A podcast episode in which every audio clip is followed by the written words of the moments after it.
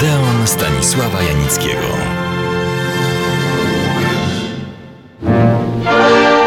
Przed tygodniem przedstawiłem Państwu pierwszy okres życia Tamary Wiszniewskiej, znakomitej aktorki. W skrócie, przypomnę, Urodziła się w 1919 roku na Wołyniu. Pochodziła z rodziny ukraińsko-polskiej. Od najwcześniejszych lat jej pasją był taniec. W Warszawie ukończyła sławną szkołę tańca prowadzoną przez Tacjannę Wysocką, której absolwentki zwane były powszechnie Tacjankami. Dla wielu był to pierwszy krok na ekran. Pierwszą rolę filmową zaproponował Tamarze Wiszniewskiej nie polski, a niemiecki reżyser. I to jeden z najlepszych, Paul Wegener.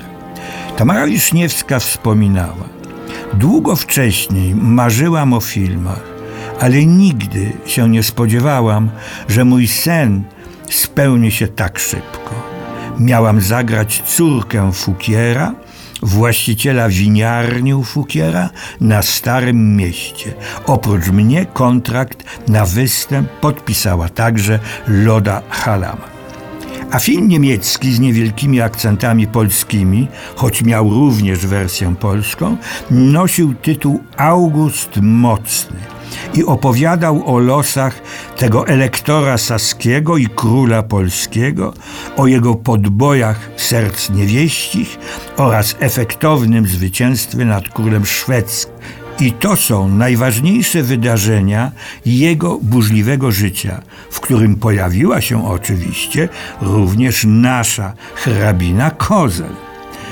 Dożywa starości, ale jak to ładnie przed wojną napisano, beznadziejnej starości człowieka i króla, od którego młoda dziewczyna, Hanusia, ostatnia i jak mu się zdawało jedyna kobieta, ucieka jak od zarazy, topiąc jego serce w głębokiej goryczy, od której purpura królewska nie chroni. Nie muszę mówić, że tę Hanusię grała Tamara, wtedy jeszcze Mira Wiszniewska. Pierwszą rolę w polskim filmie zagrała w roku 1936. Rola była niewielka, ale skomplikowana. Za to film wszedł do historii polskiego przedwojennego kina. Była to bowiem trendowata. A Tamara Wiszniewska odtworzyła postać Luci, uczennicy Stefci Rudeckiej. Rola niewielka, ale jak pisano, świetna aparycja, dużo wdzięku i co najważniejsze, naturalność i swoboda w grze predestynują tę młodziutką aktorkę do wypróbowania swych sił w jakiejś prawdziwej, czytaj zagranicznej, wytwórni. Ciąg dalszy losów Waldemara Ordynata Michorowskiego oglądali widzowie rok później w filmie Ordynat Michorowski. Zmienił się reżyser, Juliana Gardana zastąpił Henryk Szaro, ale dla nas najważniejsze, że Lucia, czyli Tamara Wiszniewska, przejęła po Elżbiecie Barszczewskiej, zmarłej Stefci Rudeckiej, główną rolę kobiecą w tym filmie.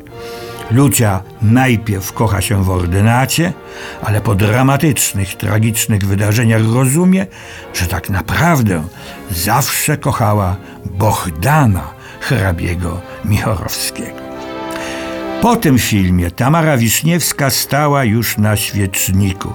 Propozycji miała wiele, choć nie wszystkie kończyły się powodzeniem. Ale najważniejsze było to, że wtedy poznała producenta, pana Władysława Mikosza. I jak w filmie, miłość od pierwszego wejrzenia, rok później ślub. Znamienne są słowa córki aktorki, Irene Reis, która w rozmowie z Grzegorzem Rogowskim powiedziała: Mój tatuś był bardzo poważnym człowiekiem. Wydaje mi się, że mamusia byłaby szczęśliwsza, gdyby poślubiła kogoś bardziej romantycznego i weselszego. Ona go oczywiście bardzo kochała, on ją także, ale to nie był mężczyzna stworzony dla niej. Irena przyszła na świat latem 1938 roku. Tamara zajęła się urządzaniem domu, do którego zaprosiła też swoją rodzinę z Wołynia. Ale zanim do tego doszło, zagrała jeszcze w trzech filmach. Pierwszym była Trójka Hultajska. Rola była taka sobie, podobnie jak cały film, a miał być przebojem w oparciu o farsę sceniczną Jana Nestroja w reżyserii Henryka Szaro, który zrealizował wspomnianego przed chwilą ordynata Michorowskiego. Widownia jednak nie dopisała, a prasa nie pozostawiła na tym filmie suchej nitki. Napisano, zapowiadali komedię, a pokazali potwornie głupią i nudną farsę.